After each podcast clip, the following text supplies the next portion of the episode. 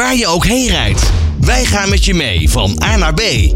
Traffic Radio, always on the road. Ja, de prijzen in het openbaar vervoer die eh, zijn eh, erg hoog. En voor veel mensen ook veel te duur. Dat is inmiddels eh, geen geheim meer, kunnen we wel zeggen.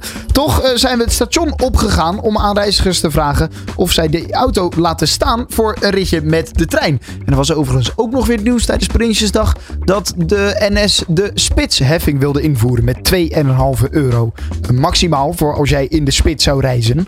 Nou, dat gaat ook allemaal weer niet door. Net als de accijnsverhoging heeft, het, heeft nou ja, de Kamer daar eigenlijk ook een stokje voor gestoken. Het kabinet is natuurlijk demissionair, dus mag daar eh, niet meer over eh, bepalen. Ehm, goed, die spitsheffing die komt er dus niet. Toch vroegen wij aan de reizigers met de trein of de regering er genoeg aan doet om reizen met de trein te stimuleren. Ik denk ook wel veel mensen die überhaupt geen auto kunnen betalen. Daarvoor wordt nu het OV denk ik ook steeds duurder. Dus dat is wel eh, dubbel pech. Hoog, denk ik. Wat vind jij van die hoge prijzen in het openbaar vervoer? Eh, ja, belachelijk. Nou, dat ze omhoog zijn gegaan vind ik best wel jammer. Ik vind die prijzen wel veel te hoog. Want ja, je wil natuurlijk op een gegeven moment ervoor zorgen dat eh, mensen wat meer uit de auto gaan. En eh, dat de treinen wat, eh, wat beter qua prijs te handelen valt. Maar eh, ja, ik vind het eigenlijk wel te hoog. En ik merk gewoon ook dat eh, de, elke maand het steeds eh, wat, wat meer wordt. Dus eh, ja, prijzen zijn gewoon te hoog. Eh, nou, ik heb een kortingsabonnement, dus ik heb er op zich niet zo last van. Eh, heb je die bewust aangeschaft? Omdat je denkt, nou, het is anders wel heel hoog, die prijzen?